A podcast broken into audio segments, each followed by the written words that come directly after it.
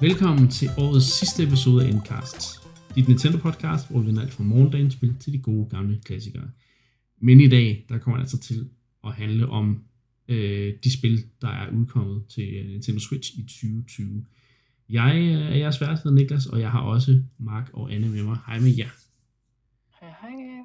Hej. Så klarede vi os igennem 2020. Ja, Ja, lige, lige godt og vel.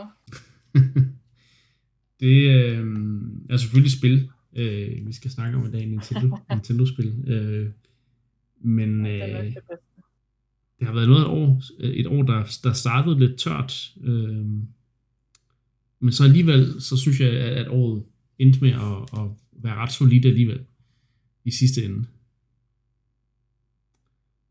Så, Ja. Det ved jeg ikke. Jeg, øh, ja, altså, der har jo været noget, der har været rigtig godt, men det har også været lidt, lidt tomt, synes jeg. Ja, det har det. Man har klart kunne mærke, at det ikke har været, altså, at der har været problemer med det her covid-19, der har ligesom sat en stopper for nogen, øh, den her det strøm af, af spil, som vi er vant til. Ja, og så der ikke har været nogen Nintendo Direct vel nærmest. Har der været en i år? Mm, Altså rigtig...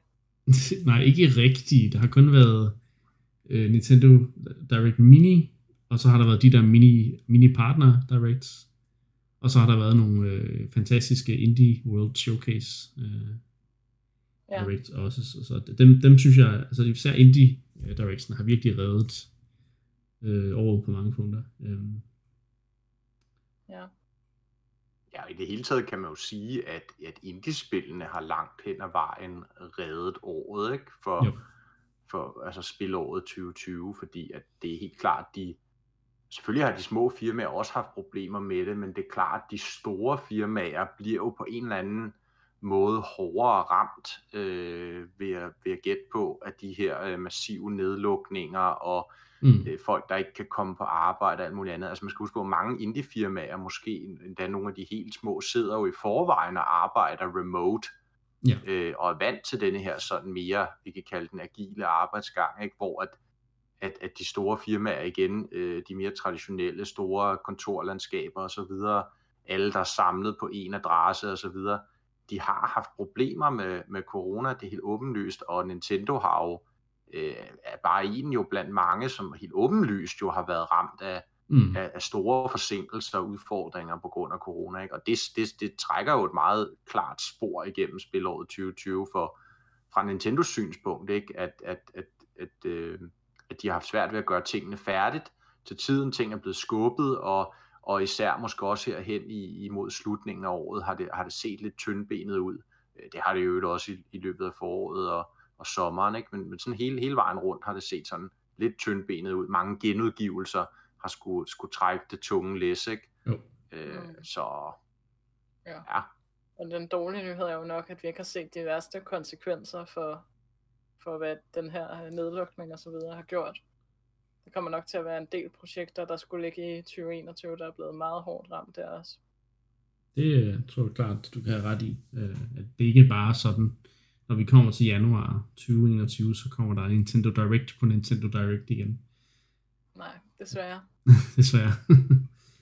Ja, så er der jo de her, altså også kan man sige, hvad, øh, hvad har øh, hele coronasituationen gjort ved den generelle strategi omkring det her med spiludmeldinger og directs og så videre, ikke? jo. Mm. Øh, fordi man fristes jo til at sige, kan vide, om de overhovedet findes mere, om de vender tilbage de her sådan almene directs, ikke? hvor at, at man samler mange, meget information fra mange forskellige Mm. spil, eller er Nintendo meget mere komfortabel med en, en, en, en, en model, hvor at man tager små bidder af gangen, måske lidt oftere til gengæld, øh, Mm. men, men små bidder af gangen, og typisk relativt tæt på, at spillene er klar og færdige til at komme ud.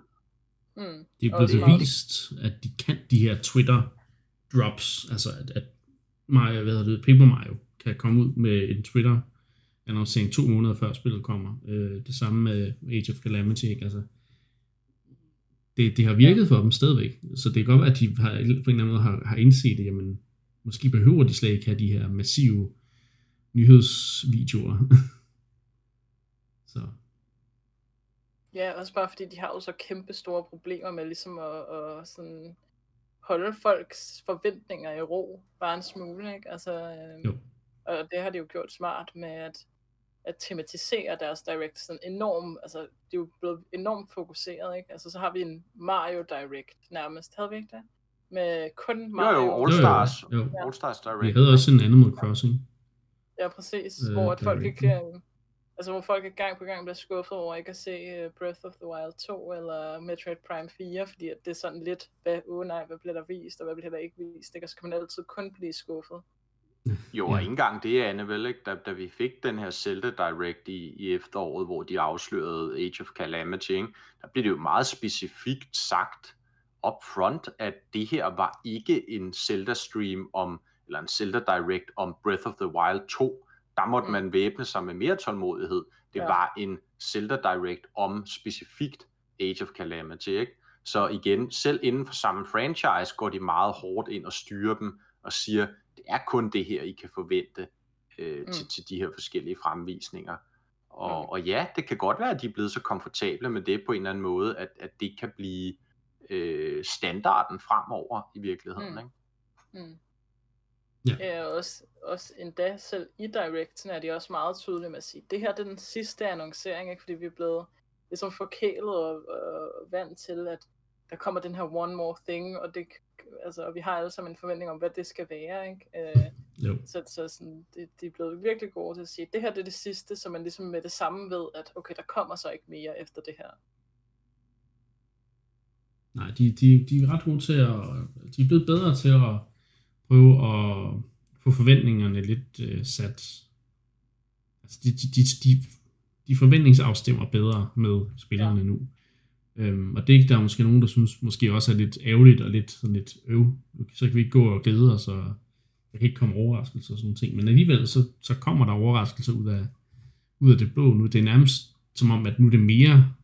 At nu kan der ske noget i morgen, hvis det er mm. Det, der skal være. Altså, vi kan aldrig føle os sikre på, at det bare bliver en almindelig uge, hvor Nintendo ikke lige smider en eller anden stor nyhed. Det er måske endda endnu mere sådan... Jeg ved ikke engang, om jeg, jeg synes, det er bedre, fordi jeg, nu, jeg, jeg er nærmest sådan, åh oh nej, hvornår, hvornår sker det næste, den næste øh, store Nintendo-bombe? Ja. Så, men, øh, jeg, jeg tror, vi vender os til det i løbet af 2021. Jeg tror klart, at vi kan se, at jeg, jeg tror klart, at vi vil se, at den her strategi, øh, måske endda også det her med, at de afprøver nogle flere ting, om det virker, øh, før de ligesom sætter sig fast på, hvad, hvordan det er, de vil gøre tingene. Ikke? Øh, jeg tror klart, at den måde, vi har fået Direct på lige siden, øh, ja, hvornår var det? Var det starten af Wii U eller sådan noget? Wii U og 3DS, der, der, der begyndte vi at få de der ting, ikke? Men, men det er som om, de går, går mere og mere væk fra det klassiske Direct-format. Øhm, Ja. Øh, og det kunne man måske allerede forvente, at de ville gøre efter, at øh, hvad hedder det, Iwata han øh, gik bort, ikke? Altså, at der ville ske et, et skift, når nu der kom nye øh, mennesker til i toppen og så videre, ikke? Så, Mm. men øh, jeg synes Det er stadigvæk, at de, de, de får, får annonceret nogle ting, og man, man, man bliver mere, det er mere fokuseret ting, så man ved, okay, nu kan vi fokusere på at hype omkring det nyt Paper Mario. Vi skal ikke koncentrere os om, at der også lige er blevet annonceret et nyt øh, Hyrule Warriors, eller hvad, altså, sådan, så ikke vi får alle de der ting på samme tid. Man kan sige, med E3, der hvor vi er vant til at få den her massive nyhedsstrøm, øh, strøm, der, der er jeg måske stadigvæk sådan, der kunne jeg stadig godt lidt savne det der med, at man bare har en masse ting, man, kommer, man, kan, man kan se frem til, fordi med E3, der ved man altid, det er ikke noget, du kommer til at spille lige med det samme anyway, men det er ting, du ligesom kan, kan se, at for udviklerne har i, de er ved at brygge til os, ikke? Så ja, jeg ved ikke, jeg, jeg, det har, meget, sjovt, jeg har ikke? meget mixet, øh, en, en meget sådan en, meget, ja, blandet følelse, ikke en mixet følelse, en blandet følelse. øh, Men det er sjovt, du, du nævner i 3, ikke? og så sidder jeg jo faktisk og tænker, nå ja, nå der var ikke noget i 3 i år. Ikke? Nej, det er det. Og det er jo lidt tankevækkende i sig selv, kan man sige, at, at jeg ikke spekulerer nærmere over, at der ikke var noget i 3. Vi fik jo faktisk ikke engang en, en, Nej, en General Direct i 3 Direct, vel? det er det. øh, i, i, i messens ligesom fravær, eller hvad man skal sige, arrangementets fravær, som der jo ellers var mange, der troede, jamen okay, men så kom den så bare først senere på sommeren måske. Ja. Ja. Så blev det jo så ultimativt, den her Mario Direct i stedet. Ja, præcis. Så det, altså, igen, når jeg sidder og tænker, nå, jamen, jeg ved egentlig ikke, hvor meget jeg savnede den, øh, sådan bare sådan helt naturligt, kan man sige, så Ja. Så når jeg husker tilbage på sommeren, kan jeg, kan jeg huske, at der var et tomrum på en eller anden måde. Jeg blev ved med sådan at Mm. hele tiden blive mindet om, at nå nej, der er jo ikke noget i 3, så der er ikke noget sådan stort spil-event at se frem til, øh, hvor man Mm. Kan hype sig selv op, og selvfølgelig blive skuffet af de her ting. Ikke? Men, men på en eller anden måde, der, jeg kunne Ja. godt mærke, at der var et tomrum, men når vi så kom over på efteråret, der var jeg faktisk lidt, der, der, der havde jeg glemt det tomrum på en eller anden måde. Det var som om, jeg bare tænkte, Nå, nu fik vi den der Mario Direct, så er alting okay igen. Altså, så, så kan jeg, så behøvede jeg ikke have det i 3 igen, fordi det, det var selvfølgelig lidt, lidt ærgerligt i, i løbet af sommeren, men så kunne man selvfølgelig fokusere på, på andre ting i, i den sommer, ikke? Men, øh, Jo, men jeg, jeg tror, hvis vi bliver... Ja, okay. Så har vi sådan en... Tre, der er sådan for tre forskellige steder. Altså, jeg er sådan lidt i midten. Du, du savnede og Mark han er sådan, ja, Nej, han har dødstomt det for længe siden, jo. det er det. Du ved ikke, at jeg, ja, det er også fint. Vi har også snakket om det før, så det, det ja, Nå, jeg håber, det kommer tilbage. skal vi... Øh, vi kan jo snakke lidt om næste år, hvad, hvad vi forventer, øh, der kommer til at ske i løbet af 2021. Nu synes jeg, at vi skal øh, kigge på, på, på årets spil. Øh, det er det, vi skal snakke om i dag. Og øh, vi har lavet to kategorier. Vi har altså årets spil nomineringerne, øh, hvor vi øh, hver sag har valgt tre øh, spil.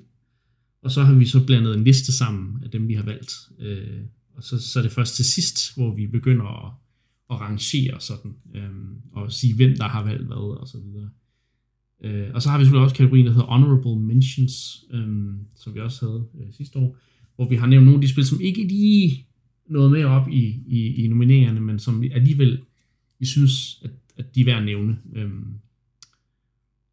men øh, ja, lad os, øh, lad, os, lad os bare springe ud i, i, i årets spil øh, nomineringerne. Det første spil, øh, jeg synes, vi skal, vi skal snakke om, det er spillet øh, Hades. Et Du indie-spil. vil, ikke, øh, du vil ikke starte med honorable mentions, eller hvad, Niklas? Nej, det kan vi godt. Alright. Nu har jeg selvfølgelig lige øh, kommet til at afsløre. Det er dig, der er hosten. Ja, nej, jeg synes, øh, det synes vi, vi venter med den, og så tager vi honorable mentions, inden vi rangerer årets spil. Okay. Så det, så det, det, det, er sådan, det var sådan, jeg havde tænkt det. øhm. Nå, nu bliver jeg lige øh, hyldet ud af den. Øh, Hades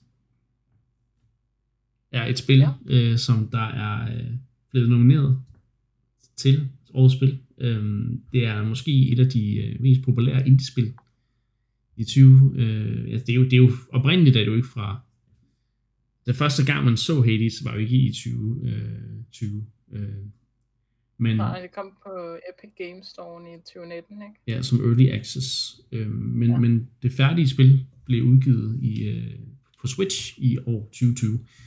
Øhm, og jeg må bare sige, jeg ved ikke, hvis man kan huske, øh, da første gang, øh, da vi havde, hvad har vi spillet, hvor, hvor Hades var med, der, der øh, var jeg ret begejstret for, for spillet, så det er måske ikke nogen overraskelse, at vi også kan snakke lidt om det her. Øhm, men det kan være, at jeg, jeg skal overgive, overlade jer, ordet til en af jer, for at sige, måske, hvad, er I også begejstret for Hades? Ja, mega meget. Altså, det er jo øh, det spil, der er på alles læber, og det er jo det spil, som høster de store øh, altså årets spilpriser rundt omkring øh, ude i verden. Ikke? Øh, Det er en, en, en favorit hos rigtig mange, og med god grund, fordi det er et, et forrygende spil. Ja. Det er øh, altså altid lige i skabet fra gameplay over grafik til lyd til altså univers, øh, historien super velskrevet. I virkeligheden måske det mest, jeg var mest imponeret over ved Hades var øh, netop historien og dialogen man har. Ja. Det er jo det her spil, hvor man er Hades søn, og man skal forsøge at undslippe øh, den her underverden, ikke? Jo. Og, øh, og så møder man jo så alle guderne. Øh, det er jo græsk mytologi, vi, vi er ude i her, ikke? Og man møder alle guderne fra Olympen, som på en eller anden måde spiller ind og prøver at hjælpe en med at undslippe øh, underverdenen. Ja. Og det er ligesom øh, hele samspillet med de figurer, de, altså de guder, og både Ja, for netop. underverdenen, men også for Olympen, ikke? Og de ligesom alliancer, man danner, og de forhold, man danner med de her forskellige figurer, der virkelig driver spillet, og virkelig gør, at man har lyst til at starte på endnu en runde. Fordi man kan sige, selve gameplayet er jo ikke fordi, at det er specielt revolutionerende.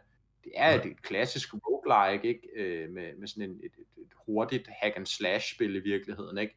Hvor der skal dodges til højre og venstre, og så skal der ud, ellers uddeles tæsk i sådan nogle rum, ikke? et rum ad gangen. Men det er vidderligt igen, som jeg sagde, interaktionen med figurgalleriet, dialogen, stemmeskuespillet bliver nødt til at fremhæve, virkelig fremragende. Universet i sin helhed er bare virkelig fængende og utrolig godt skruet sammen. Øh, det, var, det var det, der gjorde, at jeg holdt, altså det holdt mig fast og gjorde ligesom, at det var, det var faktisk den største belønning i spillet, synes jeg. Ja. Det var at, at blive færdig med de her kampe, og så komme videre og snakke med nogle flere guder og, og udvikle historien endnu mere. Ikke? Jo, altså jeg har også nævnt øh, meget, da vi snakkede om det i efteråret, øh, var ligesom at jeg havde ikke noget imod, at, at, at normalt når jeg spiller roguelike, så synes jeg, det er lidt irriterende at dø hele tiden. Jeg synes, det er sådan lidt, åh oh, nej, så skal jeg gøre det helt forfra og genopbygge ting. Jeg får nogle random skills, fedt nok, men her i, i Hades, der havde jeg altså lidt, nå, nå, jeg er død, oh well. Nu skal jeg bare tilbage og snakke med nogle guder, måske få nogle nye plot twists øh, fremhævet, og lige se, hvad, hvad ham der øh, Skelly, han siger til mig den her gang. Øh, og, og så måske lige har jeg fundet en gave, jeg kan give til Dusa, eller til Kerberos, eller du altså, der er altid ting, man kan, man kan gøre, når man kommer tilbage. Det er, det er ikke sådan, det, jeg, føler, jeg føler ikke, det er en straf at dø i, i Hades, som jeg gør i andre roguelikes, og det er derfor, jeg synes, det, det på en eller anden måde øh, hæver sig over alle de andre i den genre, fordi at, at det formår at, at, og, ind, og, og, og ligesom fikse nogle af de problemer, jeg har med roguelike-genren. Øh, på en eller anden måde. Øh, og gøre det ja, til bare altså, du... en spændende historie.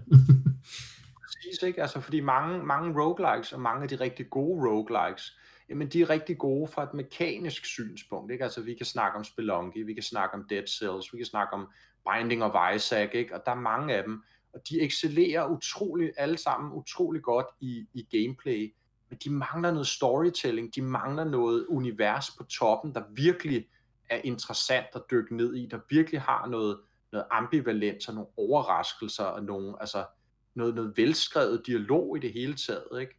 Og ja. der kommer Hades bare og fejrer dem alle sammen af banen og siger, her er ligesom den komplette pakke. Vi har styr på vores gameplay, vi har styr på vores storytelling, vores figurgalleri, vores univers. Og det gør bare, at det er et af de absolut bedste roguelikes, der er lavet, og selvfølgelig en kandidat til årets spil. Ja, og game, altså igen, ja, som du siger, gameplayet, wow, jeg var...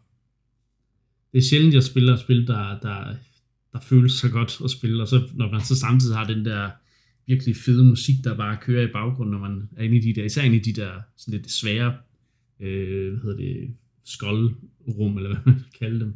kommer bare sådan en, der, der, der får musikken lidt ekstra nyk op, og så sidder jeg der og, og nærmest smadrer øh, monstrene i, i takt til musikken, fordi jeg synes, det er så fedt, ikke? Så ja, jeg, jeg var, jeg er, sted, jeg er lige så begejstret for det nu, som jeg er. Jeg har ikke spillet det så meget på det sidste, men øh, det, det er står stadigvæk meget klart som øh, et rigtig, rigtig fedt spil.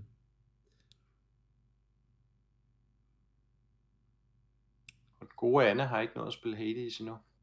Nej, jeg har fået at vide af samtlige mennesker nærmest, jeg har snakket med det seneste halve år, jeg skal spille det. uh, og det er bestemt også min intention. Det kan være, det er et juleferiespil. Ja, et af de mange juleferiespil, jeg skal have gang i. ja. Så, øh... Du har travlt. Det har jeg. Der er virkelig, der skal games. Et spil, vi alle har fået kigget på, det er selvfølgelig øh, det første Twitter-drop i år. Det var, øh, jeg ved ikke om det var det første, men det var i hvert fald det mest, et af de mest markante Twitter-drops i år. Det var selvfølgelig Paper Mario The Origami King. Øh, der var gået rygter om, viden op til. Øh, der var mange Mario-rygter i år, men der var et, også et om, at der skulle komme et nyt Paper Mario, og det, det, det kom der i, i, den, øh, i den grad. Øh, Paper Mario The Origami King, øh, som jeg tror, vi her øh, i Endcast er ret... Øh, vi har været sådan ret uenige omkring, hvad synes vi egentlig? Øh, vi, vi ved jo, at Anne er meget... Øh, hvad hedder det? Fanatisk. Du, du, ja, du er meget til de traditionelle Paper Mario-spil i hvert fald. Øh, men, men hvad, hvordan, hvordan har du det med, med Paper Mario The Origami King nu? Jamen altså, mit, mit, mit problem er måske, at jeg ikke har gennemført det, men det, er, men det er jo et resultat af, at jeg ikke, altså jeg bliver ikke fanget af det. Ja. Øh, jeg kan virkelig sætte pris, virkelig, virkelig meget sætte pris på verdenerne, og også øh, rigtig meget altså historiefortællingen. Øhm. Mm. Men, men jeg kan ikke det der combat, er bare ikke boarding for mig. Altså, jeg, jeg, jeg, jeg skal bare have noget fucking XP, og sådan er det. Ja, okay ja, jeg, jeg øh, har jo flere gange talt meget varmt om det her spil. Jeg, jeg endte jo med at gennemføre det 100%. Øh, hvilket er meget sjældent, jeg gør det med spil. Øh, men men uh, The Origami King, det var bare, det skulle jeg bare, jeg skulle bare have alt, og jeg skulle, selvom der var nogle ting, der irriterede mig grænseløst i spillet, der er, øh, jeg skulle ikke spoil så meget, men der er sådan en form for, for tv-show, man øh, skal gennemgå på et tidspunkt, som irriterede mig ret meget. øh, og, og det, men jeg skulle bare, jeg skulle bare klare det, selvom det var det mest irriterende i spillet, så skulle jeg bare have, have det perfekt, sådan, så jeg kunne få den, den, de sidste trophies. Øhm, så, så ja, men, men nej, jeg synes, det spil var, har bare charmeret mig så meget. Altså, jeg elsker dialogen øh, især, og øh, jeg synes faktisk også tit, jeg kom ind i sådan en god øh, rytme med de her, øh, de her kampe, som øh, nogle gange irriterede mig grænseløst, fordi at jeg ikke kunne gennemskue, hvordan fan jeg skulle klare den der puzzle der. Og igen, så har du den der øh, tid, der bare går ned, og man sidder der, åh oh, nej, åh oh, nej. Og så nogle gange, så sidder man bare, og så kan man bare nærmest se, se det for sig. Plus at man også har de der bosskampe, som jeg synes var, var helt vildt sjove. Øh, og også på en eller anden måde øh, tog hele det der cirkel, øh, de der, man har jo de der ja, hvad skal man kalde det, øh, baner, runde baner, der kører rundt om en, en midte, øh, og det synes jeg fungerede rigtig godt, at den måde, de ligesom vendte lidt på hovedet med bosskampen, hvor de satte bossen i midten, øh, frem for øh, Mario og så videre, så det, det synes jeg var ret, ret sjovt, men det var helt klart, altså historien øh, og karaktererne, øh, også selvom der var rigtig mange Toads, så synes jeg faktisk, det var sjovt at snakke med hver eneste lille Toad og se, at man, nu har jeg lige banket en toad ud af en væg, eller han sad, altså, man, man banker med en hammer på en væggen, og så kommer der sådan en toad, der er foldet sammen ud af, ud af sådan et hul i væggen. og så siger den et eller andet, åh, oh, jeg var foldet sammen, og nu er jeg ikke foldet sammen mere, tak skal du have. Og så havde de så den i forskellige variationer. Og så, jeg, jeg, jeg, jeg synes bare, at, at, at det var charmerende. Jeg, jeg kunne slet ikke, kunne slet ikke lægge det fra mig. Øhm, og så er der selvfølgelig nogle, nogle plot twists, som er meget øh, hjerteskærende også i spillet. Som, øh... nu siger du selvfølgelig, Niklas. Det er også sådan, jeg, jeg havde lidt ud af, det er sådan, jeg havde ud af det blå for mange, der er vant til at spille Paper Mario, men, men ja. Altså, jeg endte jo med, øh, jeg, jeg spillede det jo først øh, hen af ja. efteråret, og, øh, og som I sikkert husker, så endte jeg jo også med at være ret begejstret for det. Ja. Jeg har jo så altid, kan man sige, været fan af af serien, også de mere eksperimentelle spil i serien, har jeg egentlig altid fundet ret øh, fornøjelige. Men jeg synes vidderligt, Origami King, det, det, det er helt sikkert ikke det perfekte øh, Paper Mario, Nej. eller hvad man skal sige. Det har sine problemer, øh, men, men jeg synes sådan som helhed, der var det et af de mere vellykkede. Og igen vil jeg især fremhæve, øh, hvad hedder det, altså selve universet, storytellingen. Jeg synes, det er et problem, der er for mange Toads. Vi havde den her snak. Ja. Et meget Toad-baseret univers. Det mangler noget af denne her galskab fra de gamle Paper Mario-spil, ja. hvor de kunne få lov at lave alle mulige forunderlige, mystiske figurer, der man nærmest aldrig havde set i, i, i Mushroom Kingdom før. Vel? Der er de meget låst på, på, på, altså bundet på hænder og fødder. Det kan man godt mærke. Ja. Det gør, ja, som du siger, Niklas, ja, de er meget sjove, de der ting, Toastene siger, men jeg synes, når man har hørt de første 10 øh, sige, at det er meget dejligt at blive foldet ud igen, så, så, så forsvinder lidt øh, pointen med det. Ja, okay. Til gengæld vil jeg sige, at, at, at, at øh, som en, en collectible, som en spiller, der godt kan lide at explore og samle ting, ja. der var det et helt fantastisk spil jo, ikke? Fordi der er masser af ting, du kan samle, den har nogle rigtig fine systemer mm. til at holde styr på, hvad du har samlet, og hvad du mangler at samle. Ja. Og ligesom hele den der, øh, og det der med bare at rende rundt i omgivelserne og hamre på alting, for at igen finde mønter og skatte og deslige, det fungerer utrolig godt. Ja. Kampsystemet jeg kan godt lide, at de prøver noget puzzle. Mit problem med det var, at puzzle-delen bliver for stærk i den mm. forstand, at hvis ikke du ligesom løste puzzlet i de der kampe, så endte det i noget juks, og ligesom noget lidt mærkeligt noget i virkeligheden, hvor du skulle, at, ja, du kunne aldrig rigtig løse kampen særlig hurtigt, vel? Ja. Og, og, og tværtimod, hvis du løste puzzlet, men så var kampene bare en pushover. Altså, så, så kunne du som regel one-shot alle fjenderne og bare komme videre, ikke? Så det var fanget sådan lidt i et alt eller intet øh, moment med, om du løste det her puzzle eller ej. Mm. Så der er noget balance der, der ikke sad lige i skabet, synes jeg, øh, i mm. gameplayet der, i kampene til dels. Universet også manglede lidt. Der, der er masser af herlige steder i det spil, især lidt inde i spillet, og det ved jeg, det har jeg også sagt til Anne. Prøv at se, om du kan kæmpe dig lidt længere ind i spillet, fordi der kommer virkelig nogle, nogle herlige, øh, om, altså igen, mm. hvad kan man sige, mm. steder, man besøger og så videre. Der, der, der, øh, der løfter det sig fra i starten af spillet. Helt sikkert, helt sikkert. Det bliver Men kun igen, bedre. så kunne det også bare, ja, så kunne det også bare være så meget mere, hvis de havde mere frie tøjler i forhold til at bygge de her Paper Mario-universer mere op. Mm. Ja. Ja, det er, det, man kan virkelig mærke, at der er sådan en mærkelig situation, hvor at der ligesom er nogle forskellige drivkræfter, som meget passionerede støder sammen. Ikke? Jo. Jo, det, der, det lyder som om, som vi også har snakket om, at de har ligesom fået nogle begrænsninger, øh, som mm. der kan være svære at arbejde med. Jeg synes faktisk, med, jeg synes stadigvæk, at, at når jeg kigger på hele pakken, øh, for, så, så står Paper Mario bare virkelig som en lysende stjerne i, i år 2020 for mig. Øh, jeg synes virkelig, det var, det var en, en, en fornøjelse at spille det. Øh, musikken var... Jeg, jeg går stadig og nynner nogle af de der temaer, når jeg lige minder, bliver mindet om dem, og spillet var virkelig, virkelig flot, synes jeg også. Øhm, den der origami-stil og så videre, det var bare så veludført. Øhm, især når, når vi, det, det jo især fjenderne, der jo var jo origami-foldet og så videre, ikke? Det, det synes jeg var ret, øh, mm. var ret sejt. Øhm, men øhm, ja, okay. Vi er stadigvæk ret øh, sådan i forskellige øh, mindsets omkring øh, Origami King, men, øh, ja. men ja, så bliver det jo spændende at se, om vi kan gætte, hvem der har den på sin top 3. Og hvem ja, der det bliver, det bliver svært. Uh, ja.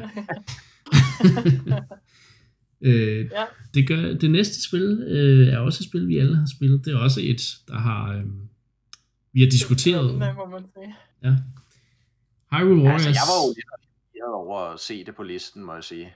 Du var chokeret, simpelthen. Men, ja. Hyrule Warriors Age of Calamity, selvfølgelig. Øhm, årets spil simpelthen, eller en kandidat. Kandidat mm. dertil, ja. ja. Det er måske ikke mig, der har valgt det. Nå, det troede jeg ellers. Hvad, um... Jamen, Nej, selvfølgelig et stort spil. Det er et altså, stort spil. Kæmpe altså, højprofileret det... spil. Zelda-spil. Breath of the Wild øh, franchise-spil. Ikke? Altså, jo, det er det det, det, det er jo kæmpestort, og som alle, der har lyttet til det her program i bare en ud af de foregående 3-4 episoder vil vide, så har det i den grad delt vandene. Øh, vi har været positivt stemte, og vi har bestemt også været negativt stemte, måske mest sidstnævnte. Jeg har i hvert fald. Man ved, og, øh, altså hvis man har læst min anmeldelse, så ved man også, at jeg, jeg har det sådan, der er nogle ting, jeg er ret vild med, og der er nogle ting, som jeg absolut ikke er vild med.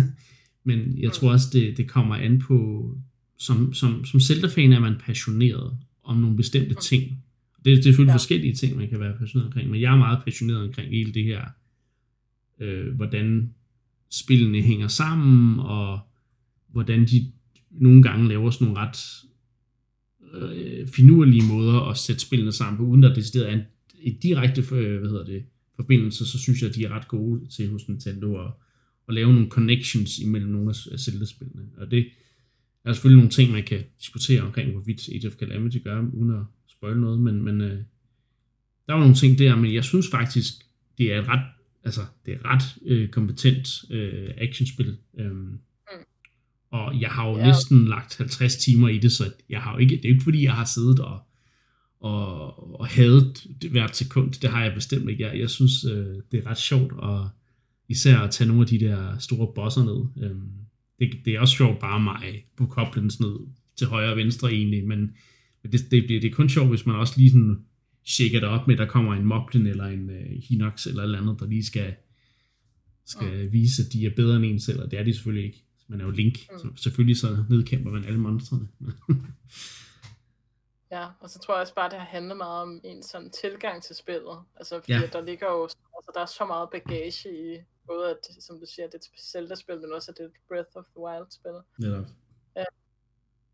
Så... Ens forventninger bliver fordrejet på en eller anden måde, ikke? Fordi man, ja, man har så altså, mange... Der er nogle, ja, du kan fortsætte. Der er helt øh, sådan fundamentale sådan spilfilosofiske tilgang, eller hvad vi skal kalde det for spildesigns filosofiske tilgang, som er meget forskellige i de to spil. Ja.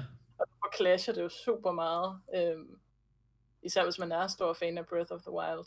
Øhm, men, men jeg synes, det er muligt, hvis, især hvis man ser bort fra de tekniske øh, hiccups, eller hvad man skal kalde dem. øh, ja.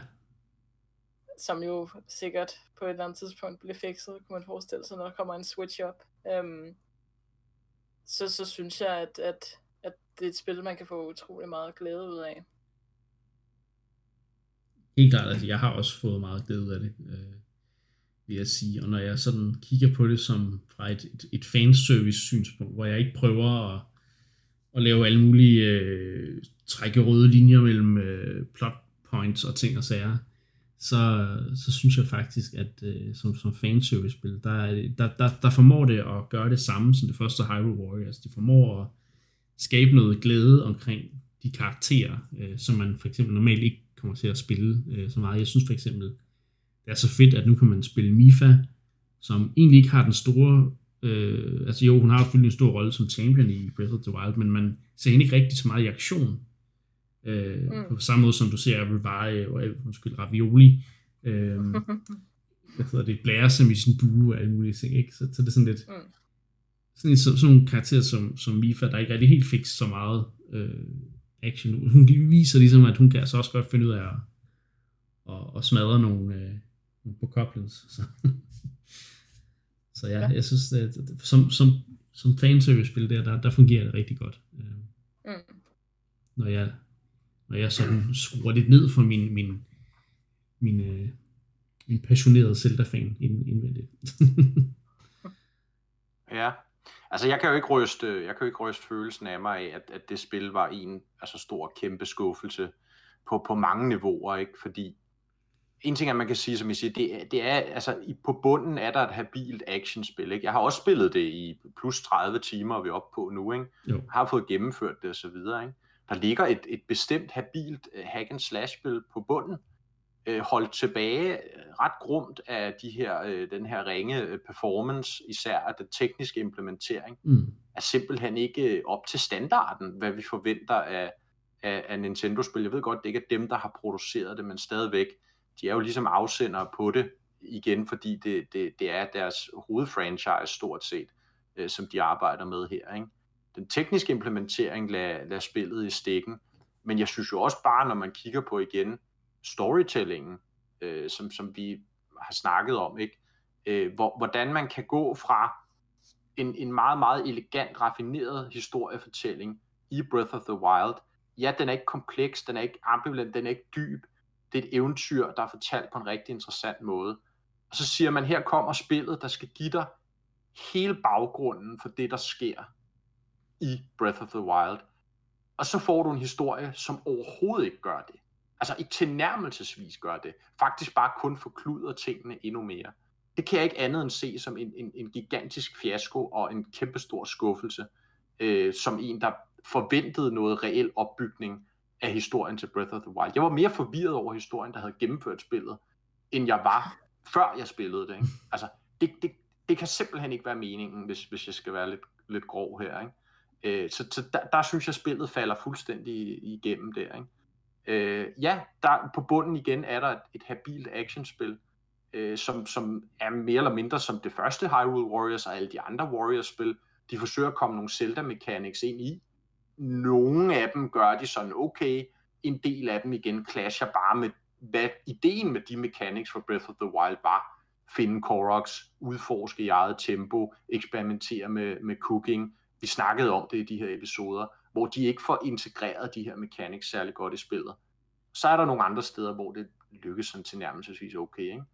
Jeg bliver ved med, når jeg spiller det, og, og du ved, de der baner, hvor spillet kører flydende, det kører godt, man kan, man kan virkelig få, øh, få styr på sine combos og, og nakke så osv., der er det ret sjovt at spille. Men lige så snart performancen går, øh, i, går af helvedes til, ikke?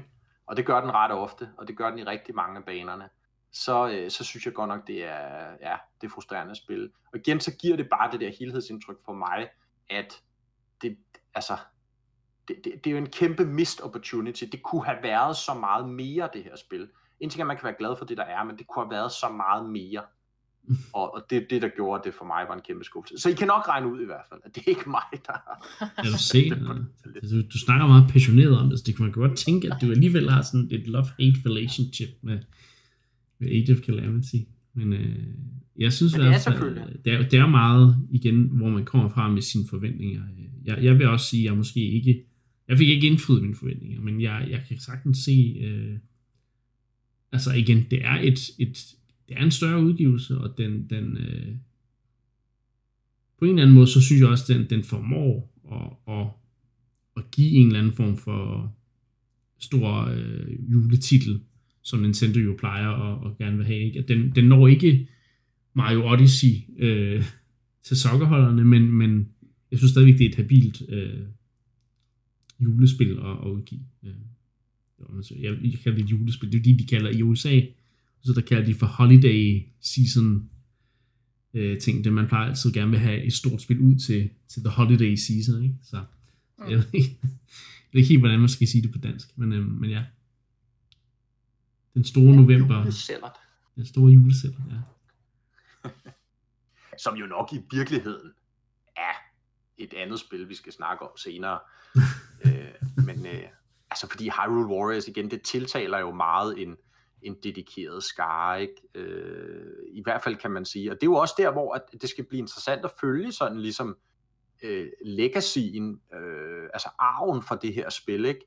både i forhold til Breath of the Wild 2, men, men også i forhold til, hvad, hvad de ellers kommer til. Nu skal vi se nogle salgstal på det og så videre. Hvor stor en succes har det egentlig været? Ikke? Igen, vi har været meget splittet om det. Øh, jeg har læst rigtig mange beretninger derude, også fra folk, der ikke har kunne fordrage det, simpelthen fordi de har forventet at få noget, der var mere Breath of the Wild. Det deler øh, ligesom øh, franchise, som, som vi har snakket om, ikke? Men det de er også... et helt andet type spil, ikke?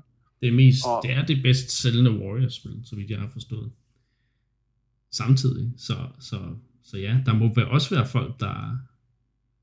Jo, jo, men, men det siger jo ikke noget i forhold nej, nej. til, altså det siger jo ikke noget i forhold til Zelda-salgstallene, ikke? Det er, jo, det er jo dem, vi skal måle op imod, tænker ja, jeg. Ja. Øh, det er i hvert fald det, jeg er mest interesseret i at se. Ikke? Okay. Hvor, hvor godt klarer det egentlig som et, et Zelda-spil, og også måske i forhold til at være et, et spin-off. Ikke? Jo. Øh, ja, det, det er helt sikkert ikke sidste gang, vi kommer til at snakke om det, kunne jeg forestille mig. Men nej, det er i hvert fald nok ikke Mark, der har, der har nomineret det til, til årets spil. Øh, men derfor skal vi der stadig med. Øh, har du mere at sige, Anne? Nej. Så synes jeg, vi skal gå videre til det næste spil på listen, som øh, et, et spil, jeg ikke havde, øh, jeg, jeg havde faktisk lidt glemt, at det spil øh, udkom i år, øh, eller blev færdigt i år, om man vil. Kentucky Route Zero. Øh, jeg husker, Mark, at det var dig, der, øh, der første gang bragte det på banen. Det er jo et gammelt spil efterhånden, der start. Den for første sæson udkom, eller første episode, jeg skal kalde det, udkom for, ja, snart 10 år siden. Øh. Ja, Kentucky Route Zero. Det blev endelig færdigt. Det, hvad for noget? Det ja, det blev endelig færdigt i år. Det blev, det blev færdigt der i, i februar måned, og så skete der jo så det, kan man sige, at de udgav ligesom hele spillet samlet. Ja øh, i det, der hed TV Edition, så kom det så på konsollerne, det kom jo på Switch. Det er jo et spil, som, jeg tror, det er ikke nogen overraskelse, at det er mig, der har, har, har placeret det på listen her, eller nomineret det. Fordi øh, jeg, jeg er og var meget begejstret for Kentucky Route Zero. Det er et af de spil, som jeg altså stadig ofte tænker tilbage på, og det ligesom bliver hængende og spekulerer over, hvad betød det egentlig? Hvad, hvad var det for noget med de her figurer, man fulgte, deres skæbner, der blev besejlet og så videre? Hvad, hvad skete der egentlig? Der er jo meget øh, mystik og, og, og, og ambivalens i det univers, og også kan man sige, storytellingen er meget udfordrende. Altså, øh, den, den, øh, den, den er svær at stykke sammen, og hvad betyder det hele egentlig, og hvad er det egentlig, der sker, ikke? Øh, det er sådan meget abstrakt, men, men det er jo sådan nogle ting, jeg er helt vild med, at, at man kan dykke ned i og tolke på, hvad er det, der sker, hvad er det, det hele skal betyde, ikke? Og episode 5 var, altså den sidste episode, som, som, som jo var ny i år, var virkelig et, et kæmpe, kæmpe stort mindfuck. Øh, det var en af de der finaler, hvor man bare sidder med kæben i gulvet og tænker, hvad skete der lige her? Ikke? Og det er jo noget, der har været bygget op over rigtig, rigtig mange år. Ja. Øh, og som du siger, jeg spillede de første episoder helt tilbage der i, i starten af 10'erne. Ikke? Jo. Så det har været længe undervejs, og jeg synes bestemt, det indfriede forventningerne i den forstand, at det var overhovedet ikke det, man havde forventet, men det var nok også i virkeligheden umuligt at forudse, mm. øh, hvad det var, de kom med, øh, de her udviklere. Ikke? Det er jo sådan et rigtigt, altså, det er, det, det, er jo, det er jo et spil, jeg vil kalde for et kunstspil, ikke? Altså, det er, det er svært at gå til, ikke? Altså, det, det, hvis man, hvis man øh, primært spiller sådan mere, kan du sige, almindelige traditionelle spil, så er det et, et, et kompleks, en kompleks størrelse, og, og det kan være svært at forholde sig til. Men hvis man giver spillet en chance, hvis man prøver ligesom at gå ind i det, øh, og prøve ligesom at lytte til, hvad er det figurerne siger, prøve at følge med i historien, prøve at tænke over det, stoppe op og tænke over det, hvad er det, det betyder, øh, og ligesom lade sig drage ind i også hele universet, utrolig smukt spil, øh, utrolig flot øh, grafik, helt unik igen, helt sit eget, jeg har ikke set noget, der ligner det nogensinde før. Det, det er et af de der unikum, som man siger, som, altså, mm og, og også igen et spil, som, eller et, en, kan man sige, en oplevelse, som kun kunne lade sig gøre som computerspil, fordi der er netop noget med den her interaktion, de, det, den interaktion, ligesom de, øh, den dialog, du som spiller, øh, kan man sige, øh, vælger, når, når du spiller spillet. Ikke? Det er jo mm. sådan en form for gådespil, eller point-and-click-spil, ikke? er nok mere, mere rigtigt. Men igen, det passer ikke rigtig ned i nogen traditionel genrebeskrivelse fordi det er så unikt. Men figurerne og ligesom hvad du projicerer ind i, at figurerne skal sige i de forskellige situationer, er enormt interessant. Fordi det ender med, at det er dig som spiller op i hovedet, der definerer, hvem er det, der er figuren, snarere end det er den anden vej, at det er spillet, der definerer, hvem der er figuren. Ja. Og det har jeg sgu aldrig set før i et computerspil, det må jeg sige. Det er virkelig unikt. Så... Men også på en eller anden måde imponerende, at, at et spil, der udkom, der, der startede, kan man sige, for så lang tid siden, at det har på en eller anden måde kunne holde sig relevant i alle årene, ikke? Altså, og så kan ende med at, at, at imponere dig så meget til sidst, kan man sige, når det så endelig er kommet i sin helhed. Ikke? Ja, det, det synes jeg også er imponerende på en eller anden måde at, at få spillet. Det, det synes, jeg tror ikke, det er alle af de her spil, der bliver udgivet over længere tid, som der formår at holde gejsten kørende på en eller anden måde. Det, det tror jeg en, kan være en sjældenhed nogle gange. Nej, det er jo det ikke, og, det er, og man kan jo sammenligne det lidt med en tv-serie, ikke? Også igen, hvordan at, at mange af dem, de ligesom taber damp, når de ja. kommer et par sæsoner ind, fordi så bliver det hele bare noget kludret, søgt øh, historiefortælling, øh, om, om man har ligesom, man er træt af figurerne, ikke? Eller, det, det fungerer bare ikke længere, og her der virker det som om, at de har haft en, en gameplan fra, fra A til Z, og de har eksekveret på den, og det har taget tid, taget lang tid. Jeg kan ikke huske, hvor mange de er. Jeg tror, de er to personer eller sådan noget hos Cardboard Computer, der har lavet det over så mange år. Ikke? Mm. Men de har simpelthen haft en gameplan fra, fra, fra, fra start til slut, og de har eksekveret på den kunstneriske, det kunstneriske ambition og projekt, de har haft og, og det, det mærker man virkelig. Altså det er sådan et spil, det, det vil jeg aldrig glemme det, fordi det er, det er helt sit eget, det er det. Ja. Jamen, øh, tak for, altså, ja, ja. en god, øh, hvad skal man kalde det, præsentation af, af den nominering. Øhm, det næste spil, vi skal snakke om, det er Animal Crossing New Horizons. Det er spillet, der på en eller anden måde har de defineret 2020 på, på en rigtig god måde. Øh, altså det har nærmest været pandanget til alt den doom and gloom, der har været ude i verden, så har Animal Crossing bare været sådan spillet, der kommer til alt er okay, det skal nok gå. Jeg, jeg er her. Bare rolig. øhm, igen, et spil, vi alle har spillet, og et spil, jeg nærmest tror, hele Endclub har spillet. Øh, måske ikke hele End, men der, der er måske nogle enkelte, der ikke lige har fået det spillet, men du ved, det har været en stor succes. Øh, noget, der er blevet snakket om, og ja, det er faktisk mit mest spillede Switch-spil overhovedet, øh, kan ja. jeg afsløre. Så, øh, ja, Animal Crossing New Horizons. Ja, det vil jeg da sige. Det jo bare, altså, det er, ikke, det er nærmest ikke engang bare et spil, det er jo et sådan kulturelt fænomen. Øh, ja. Det har jo betydet uendelig meget for uendelig mange mennesker i en, i en nærmest sådan uh, gudeligt perfekt timet uh, release. Um, så, så det er jo bare altså et, et af de der spil, som ingen andre Nintendo kan lave, selvom, um, selvom der er nogen, der prøver. Ikke? Um, mm. Ja, ja, der er ikke nogen tvivl i mit, mit hoved om, at, at det spil, det, det kommer til for evigt at være indprintet i mit hjerte nærmest, og mine dyr og så videre. Øhm. Altså, jeg, jeg vil sige, det var mit første Animal Crossing-spil overhovedet, men, men øh, og, og jo, jeg har ikke fået det spillet så meget siden sommer, tror jeg, men, men øh, alligevel så, det var det spil, der faktisk gjorde, at jeg fandt ud af, at, at jeg kunne godt lide de her wholesome spil, der bare var, var ren øh, kærlighed og god stemning, og ikke nogen negative miner. Øh, det hele var bare øh, idyllisk på en eller anden måde, ikke? Altså, øhm, mm. Og det, det, på en eller anden måde, det var, det var fuldstændig sådan, ja, en ny oplevelse for mig, øh, og bare nyde det så meget, som jeg gjorde. Øh, og igen, mm det der, det der forhold, man får, som du også nævner, til dyrene.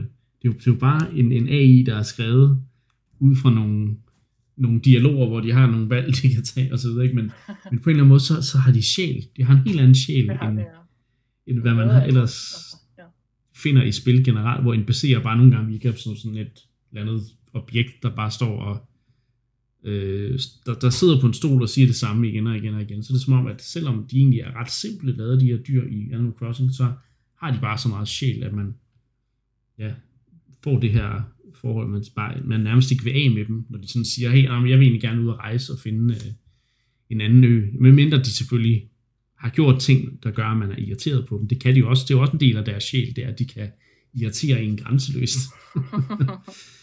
øhm, men ja, jeg synes, øh, jeg synes generelt set, at jeg har, jeg har, jeg har faktisk ikke skiftet ret mange af mine, mine naboer. Øh, jeg har stadig mine to originale, øh, Goose og Cat. Det, de har godt nok heller ikke spurgt, om de, de måtte flytte, men øh, jo, jeg tror faktisk, Kat har spurgt mig på et tidspunkt, hvor jeg sagde, nej, det må du i hvert fald ikke. til dig. du bliver ja, bare, hvor du er. Jeg synes også bare, det er så vigtigt, at det her spil, det ligesom uh, tidligere, tidligere specifikt uh, har, har tiltaget en gruppe mennesker, en gruppe spillere, som man bare ikke hører så meget om. Mm. Altså en hel masse uh, kvindelige spillere, og, og folk, der spiller mere casual spil, som jo er en hel, altså en hel i orden måde, at, at ligesom en, en mm. tilgang, man, man sagtens skal have, det, det, altså det der med, at man hardcore eller ej, det, det synes jeg, vi, det er, at vi skulle forbi og snakke om, ikke? Jo. Øh, og det er bare fedt at se noget, som har tiltalt så mange altså, uhørte spillere før, hvad jeg næsten kalde dem. Øh, mm, ja. Det, det synes jeg virkelig er fortjent, at, at vi endelig ser de her spil, der er wholesome, der er søde og hjertevarmende, at de også får noget, noget sådan bevågenhed generelt. Og der må man jo bare sige, at, at det har Animal Crossing i Horizons, som vi ved, har snakket flere gange, det, mm. har jo solgt fuldstændig sindssygt godt. Altså, det er næsten ja, okay. op på Mario Kart 8 Deluxe efter under et år. Altså, det er jo det er fuldstændig...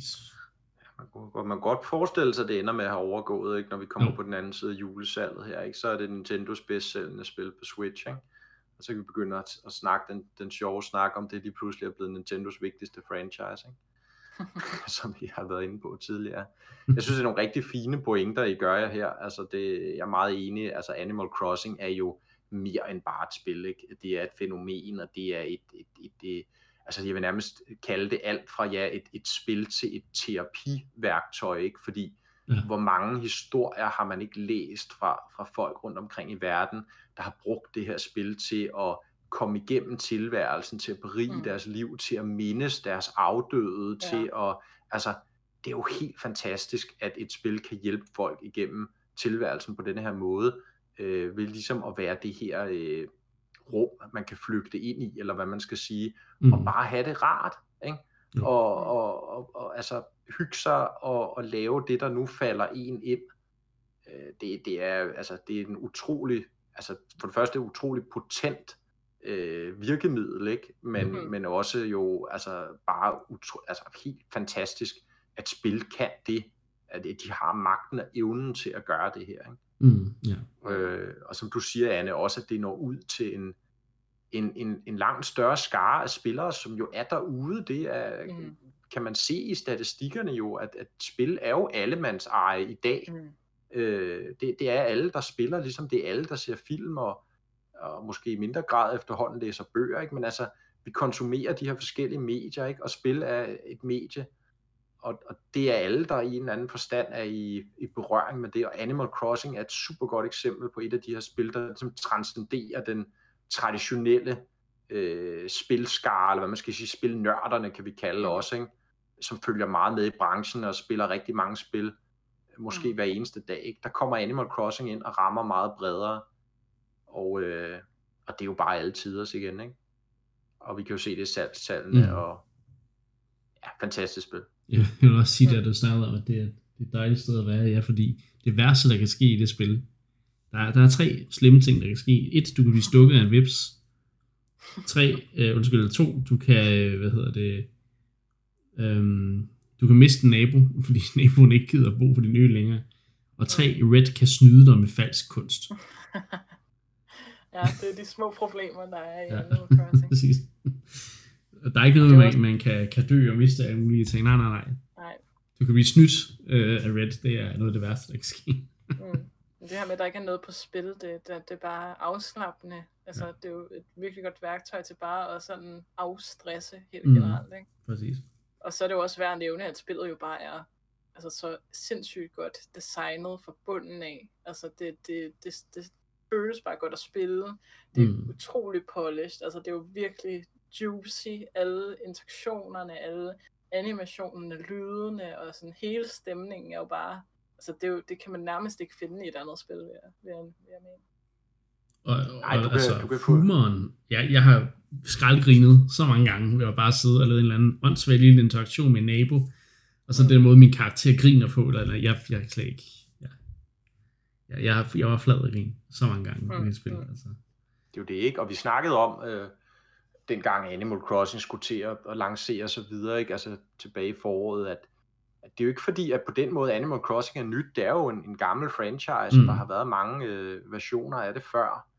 Men det har ligesom været lidt, kan du sige, gåsøjne gemt vægt på, på, på de her håndholdte konsoller, ikke? Og man har hele mm. tiden, for, altså jeg har i hvert fald hele tiden forventet, at en eller anden dag vil den franchise virkelig eksplodere, fordi man har kunne fornemme potentialet alle mm. dagene, øh, i det spil og i det koncept. Ikke? Og, og, og nu med New Horizons kaldte en kombination af, selvfølgelig Switch er i mangens hænder, men corona har måske også hjulpet her, ikke som du sagde, Anne.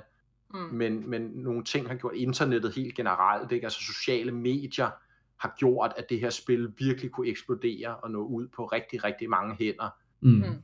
Øh, og, og, og det er fuldt fortjent, fordi spillet er fremragende, som du siger, Anne men også bare, kan man sige, New Horizons er for mig ubetinget den bedste iteration af Animal mm. Crossing også. Mm. De har forbedret det på en, en lang række punkter. Øh, ikke kun de grafiske, men også sådan spilmekanisk, hele crafting-systemet. Mm. Øh, du har en langt højere grad af customization i New Horizons. Du kan ligesom mm. udtrykke dig selv. Du kan ændre på din ø meget mere, end du kunne i, i de gamle. Mm. Øh, selvfølgelig, du kan dekorere dit hus stadig, ikke? men du kan lave de her egne mønstre og øh, tøj, og altså, man kan mm. udtrykke sig på en helt anden måde, og det tror jeg igen også er en af hjørnestenene i spillets succes, ikke? Øh, og igen, at det kan blive ved med at leve på, på social media og så videre, at folk kan blive ved med at lave content i det her spil, og mm. ligesom bruge det til at udtrykke sig selv kreativt, øh, samtidig med alle de andre ting, jeg nævnte tidligere. Ikke? Ja.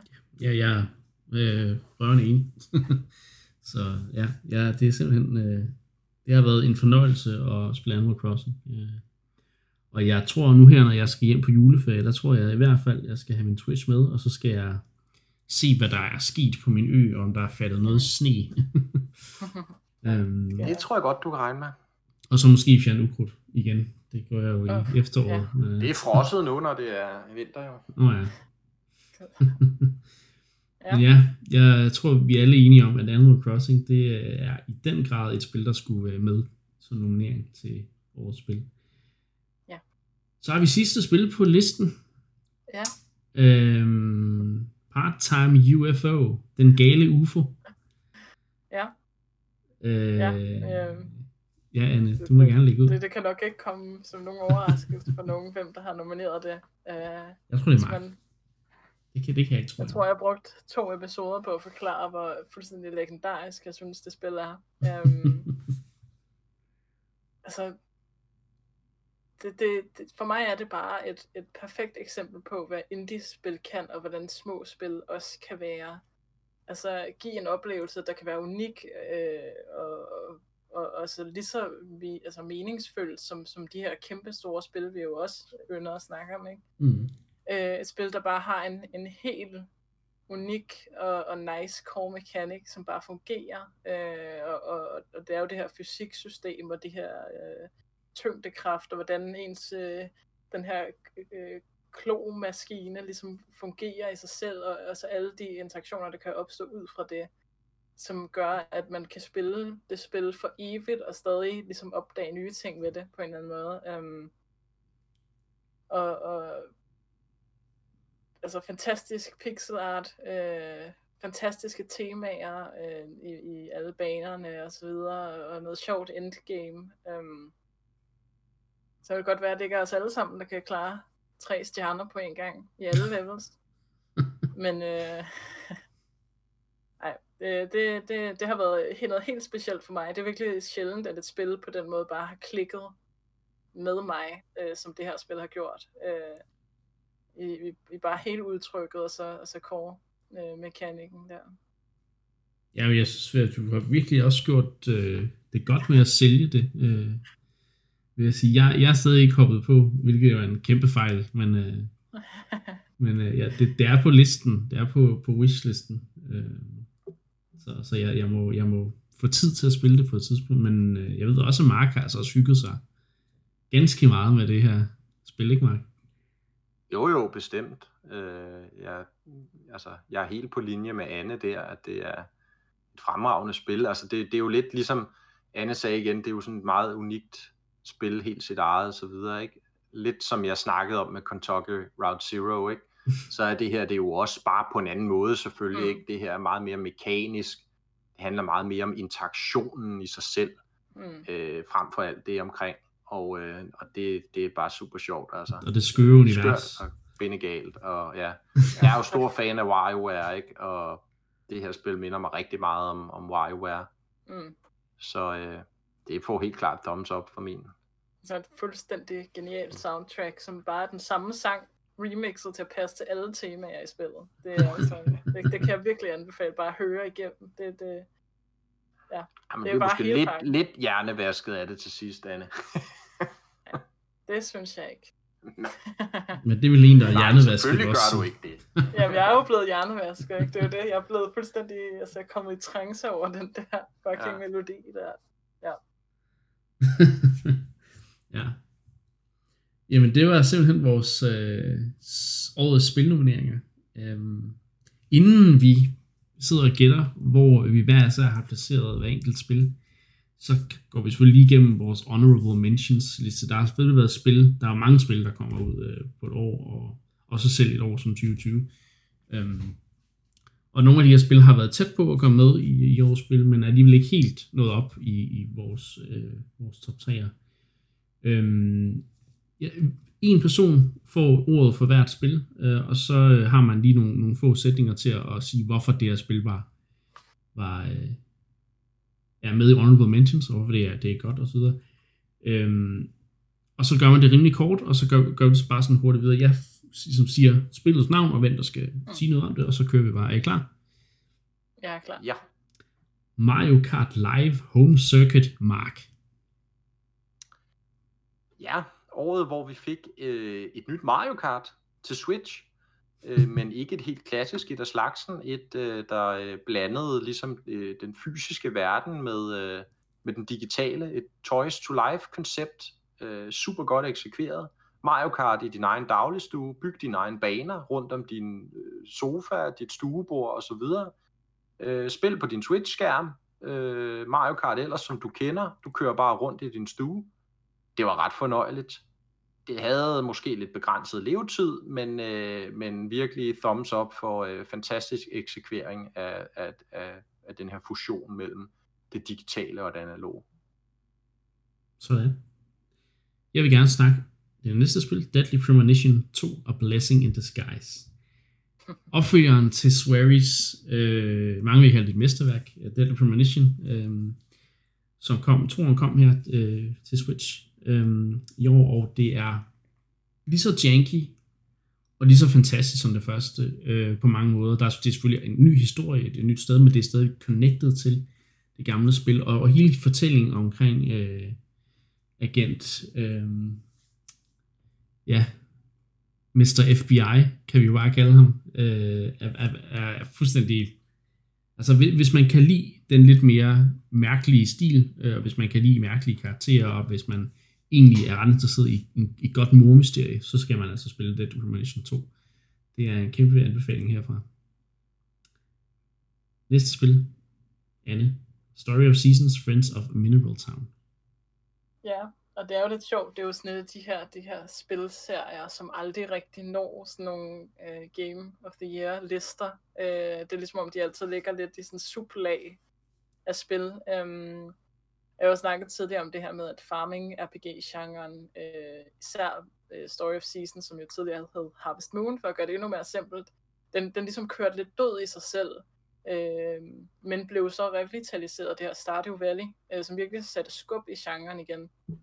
Og nu virker det så endelig som om, at det er gået op for, for udviklerne bag Story of Seasons, at, at de skal måske gå tilbage til noget af det, der gjorde farming RPG-genren unik og, og fed at spille. Øhm, og det, det, det synes jeg, de viste med, med remaket af det, er det jo så det oprindelige Harvest Moon, Friends of Mineral Town. Øhm, som selv, så, så, så selvom det er et remake, så, så formår de ligesom at komme tilbage til nogle af de gode takter, øh, og noget af det sådan, det sådan core øh, gameplay, der skal være i sådan nogle her spil. Øhm, og så kan jeg jo ligesom sidenote sige, at jeg glæder mig super meget til, at vi skal snakke om det nye Story of Seasons, Pioneers of Olive Town, til marts. tak. Mark, det næste spil, du skal have, det hedder Cooking Mama Cookstar. Ja, ubetinget årets mest skandale øh, ramte spil. Cooking Mama, som jo er en klassisk franchise, øh, hvor man skal lave mad.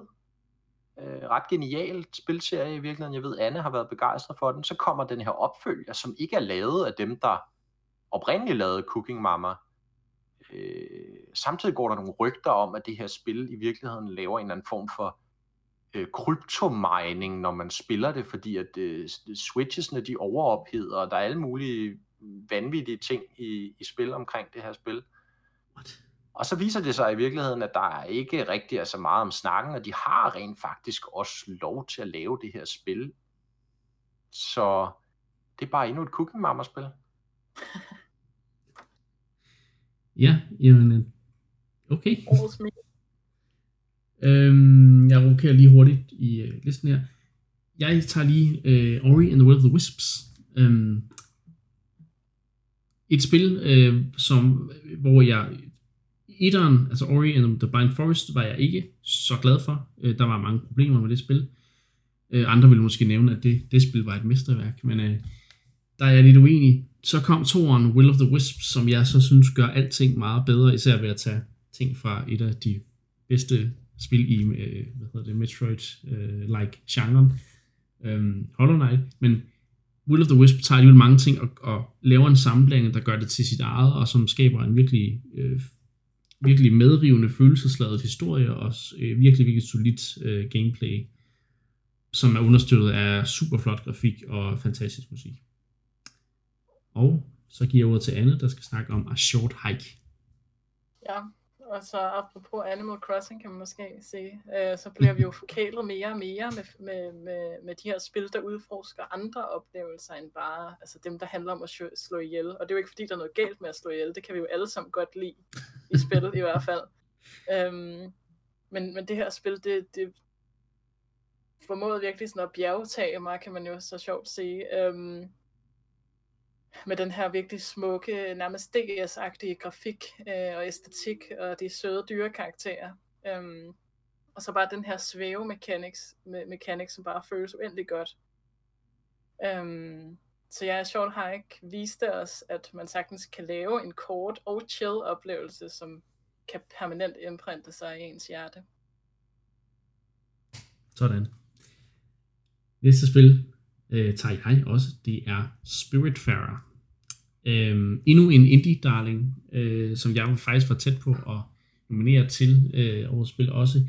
Spiritfarer er en virkelig solid, øh, virkelig veludført indie-oplevelse, som øh, handler om øh, handler om døden, og handler om at sige farvel til, øh, til, til, til, til ens kære og, og den slags. Virkelig, virkelig smuk fortælling, virkelig, virkelig øh, nogle sjove, charmerende karakterer, og som man virkelig lærer at holde af, og hver gang man skal sige farvel til en af dem, så, øh, så får man sgu en klump i halsen. Det, det, det vil jeg gerne indrømme. Øh, så virkelig, virkelig flot og veludført spil, øh, som jeg kun kan anbefale. Øh. Næste spil, Mark, Clubhouse Games 51 Worldwide Classics. Ja. Hvem skulle tro, det var så sjovt at spille Kina-skak? Eller Ludo. Undskyld. Det var ikke sjovt. og spille Ludo. Men Clubhouse Games, selvfølgelig den her samling af klassiske spil og brætspil, som man jo normalt kender fra familiefesten eller deslige, øh, i super, super kompetente digitale versioner med lækker øh, forklaring, tutorials, guides, online funktionalitet, som man kan spille med og mod hinanden. Øh, flot grafik, Altså, hvem kunne tro, at et skakbræt kunne se så flot ud altså i, i, på en computer? Det er bare en, en, en rigtig fed øh, pakke af klassiske spil, hvis man er til den slags. Øh, og selv hvis man ikke er, så havde jeg faktisk, øh, jeg kunne meget godt lide nogle af dem, vil jeg sige. Ikke nødvendigvis dem alle sammen, men det var faktisk ret interessant at ligesom gå dem alle sammen igennem, også lære lidt om historien bag igen, hvordan spiller man de her forskellige spil. Jeg havde aldrig fattet, hvordan man spillede backgammon, det kan jeg finde ud af nu, takket være det her spil. Så det er lidt en, øh, en hidden gem for året, der gik, vil jeg sige. Og øh, ja, der er jo mange spil for pengene, kan man sige. Ja, tak for det. Jeg tager øh, næste til spil på listen, det hedder Jump King. Og øh, hvis man har set mig streame øh, på Inclubs øh, Twitch-kanal inden for det sidste halvår, så ved man, at jeg har spillet øh, en del øh, Jump King. Øh, det er et spil, hvor man... Øh, det er et meget simpelt spil. Du kan styre øh, din retning, og du kan hoppe, og så kan du ligesom holde knappen nede i forhold til, hvor langt, du, øh, højt og hvor langt du vil hoppe. Og så skal man så op til toppen af tårnet, og måske finde den savnomspundne babe, der måske venter på toppen af tårnet. Øh, et virkelig frustrerende øh, spil, der har fået mig til at tilte øh, væk øh, ned af jordens overflade, øh, men samtidig er jeg også meget altså, der, der er ikke noget federe end at sætte en ny personal best, hvor man lige forklaret et hop, man har brugt en time på at lære, hvordan man skal klare. Det er simpelthen en fantastisk øh, belønning for at have kæmpet så meget øh, frustration igennem. Så Jump King kom endelig til Switch i, øh, i år, og det er en stor succes. Nå, det sidste spil på listen, Mark, det får du lov at snakke om. Det er Super Mario 3D All Stars. Et nyt men også gammelt spil på noget. Ja, det er jo svært at komme udenom. En genudgivelse, sampak af tre af de største 3D Mario-spil. De tre første. Selvfølgelig 64, Sunshine, Galaxy, og selvom vi jo kan diskutere den, den svingende kvalitet af, af måske mest bare et af spillene, så, øh, så er det jo en, en helt fantastisk samling af nogle af de absolut mest banebrydende og, og, og, og genre-definerende 3D-platformspil, der nogensinde er lavet. Og ja, 64 virkelig stadig genspilbart øh, den dag i dag. virkelig solide øh, grundmechanics. Sunshine, fantastisk univers. Øh, Galaxy, fra ende til anden, også bare en helt fortryllende oplevelse. Fusion af grafik, lyd, gameplay, jamen er muligvis det bedste 3D Mario nogensinde har været. Øh, så ja, den er svær at komme udenom. Kan jo kun købes til og med øh, marts måned, så øh, hvis ikke man har noget at få fingrene i det, så, øh, så kunne det være, at det lige skulle på, en, på ønskelisten her. Ja. Så nåede vi igennem uh, Honorable Mentions listen. Um, og igen, det var jo, der er mange spil, der kommer ud i et år, og man kan ikke, hvis man kun skal vælge tre, så er der nogen, der ikke kan komme med på listen jo. Um, så, uh, men ja, tak for hjælpen med, med den hurtige uh, gennemgang. Nu skal vi til det. Nu skal vi simpelthen gætte hinandens øh, rangeringer. Øh, skal vi starte med, øh, med Annes rangering? Top 3 okay. årets spil. Ja. Vi starter fra tredjepladsen og går opad. Øh, jeg ved ikke, Max, hvordan vi skal gøre det. Om jeg gætter først, og så gætter du, og så siger Anne, hvad den rigtige rangering er. Kan vi sagtens? Vi skal måske starte med at fortælle, hvilke spil jeg har nomineret. Nå ja, nå ja. Tak. Ja. ja, gør det. Fortæl, hvad for nogle, hvad for nogle tre spil i, i en vilkårlig rækkefølge, som du har valgt. Okay. Jamen, bare for hurtigt at knytte nogle ord til det, så øh, nominerede jeg selvfølgelig øh, Part-Time UFO. Øh, jeg var meget i tvivl om, altså hvordan skulle jeg ligesom definere den her liste? Skulle det være, hvad jeg ligesom har nyt, eller skulle jeg sådan vurdere ud efter sådan generel øh, kvalitet? Øh, og der må jeg jo bare sige, at der synes jeg, at Part-Time UFO leverer begge steder, men måske især på, hvordan det, det sådan virkelig har klikket med mig. uh, så nominerer jeg jo selvfølgelig uh, Animal Crossing New Horizons, det tror jeg er rimelig tydeligt, hvorfor. Um, og så er det jo også mig, der har taget den um, kontroversielle uh, holdning, at uh, nominere Hyrule Warriors Age of Calamity. Uh, mm. Spillet, som vi elsker at have. Um, men, men da jeg ligesom skulle gøre det op for mig, sådan op med mig, om jeg... Altså, det er bare det spil, jeg har haft lyst til at spille mest i år, udover Animal Crossing på Switch, føler jeg. Um, ja. det, det, det, det, det giver mig den der, det opfylder den der fantasi om at spille de forskellige karakterer, uh, og jeg kan godt se at, at fejlene, og jeg kan godt se manglerne, jeg kan godt se hele det her, altså den her dissonans mellem det oprindelige og så det her. Um, altså Breath of the Wild og så det her. Men, øh, men jeg synes alligevel, at, at der bare er et eller andet basalt set i spillet, som, som, som tiltaler mig. Ja. Okay. Jamen, hmm. Jeg vil gerne starte, Mark. Jeg tror, tredjepladsen er Hyrule Warriors. Andenpladsen er Part-Time UFO, og førstepladsen er Animal Crossing New Horizons. Ja, det siger jeg også. Ja, men det var jo måske heller ikke den sværeste gættekonkurrence. Nå, okay. men ja, det er rigtigt. Altså egentlig vil jeg måske bare have sagt, at, at de to første var min årets spil. Øh, også fordi, at jeg måske også ville have sagt Hades, hvis jeg havde spillet det, men det har jeg jo så ikke. Øh, men, men jeg synes, det fortjener alligevel lidt kærlighed nu, når vi har hatet så meget på det. selvfølgelig. Jeg synes, det var godt, Anne, at du tog det med. ja. Nå, men uh, Mark, hvad for nogle tre spil har du nomineret? Ja, men jeg nominerede jo uh, Kentucky Route Zero, og uh, Hades, og Animal Crossing New Horizons. Ja. Du kan starte, Anne. Men mindre du lige vil knytte nogle ord til det, Mark. Eller har du knyttet nok ord? Ja, det synes jeg.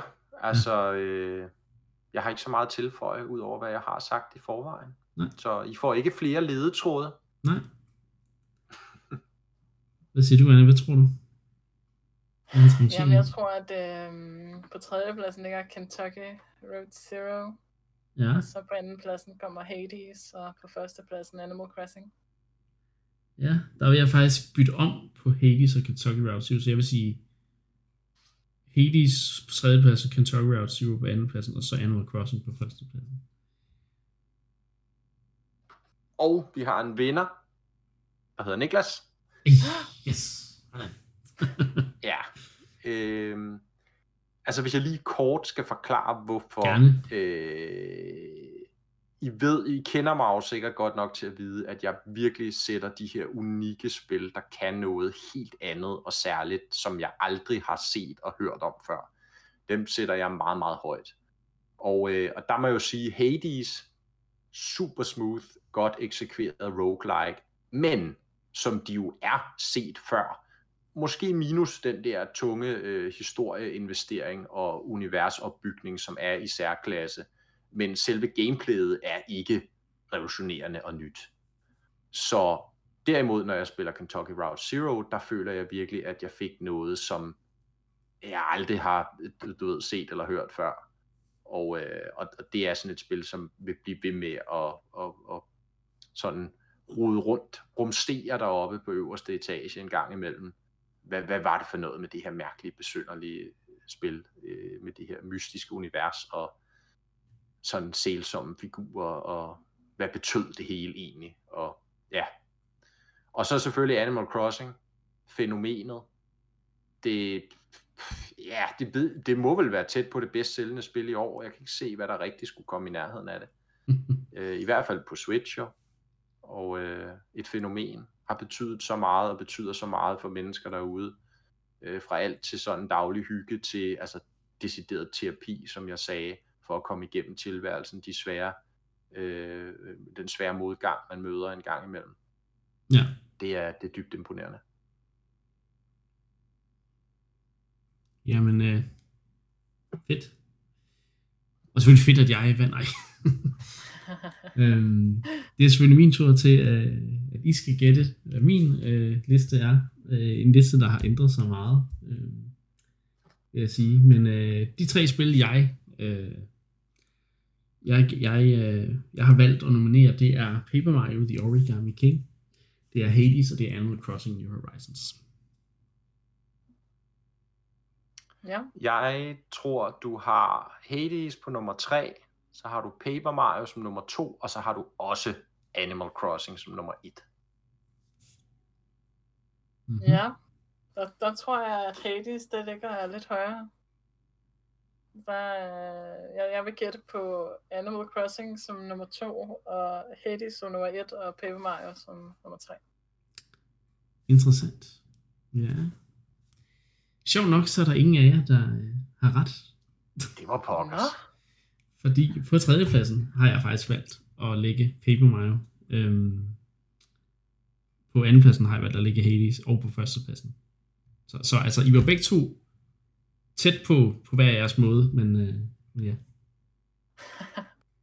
Øh, faktisk var, var øh, altså jeg, jeg var så tæt på at, at lade, lade Paper Mario vinde, men alligevel, jo mere jeg tænker over det, så har Animal Crossing på en eller anden måde øh, været det mest øh, altså det, det, har været, det har været det spil, der på en eller anden måde har påvirket mig, mig bedst, og det hvor jeg har, bare har haft en fantastisk oplevelse i de, i de 250 timer, jeg har spillet det, hvor jeg bare nærmest i alle timerne har, har nyt det. det var, selvfølgelig er jeg blevet brændt ud til at slut, men, men jeg har slet ikke, de andre spiller slet ikke op på samme niveau af spiltid. Og, og hvad kan man sige, Hades har jeg også, øh, altså det ved I, hvor varmt jeg taler om det, så det, altså som, som spil, det er, der er ikke noget revolutionerende som sådan, men det er bare den måde, det er skruet sammen på.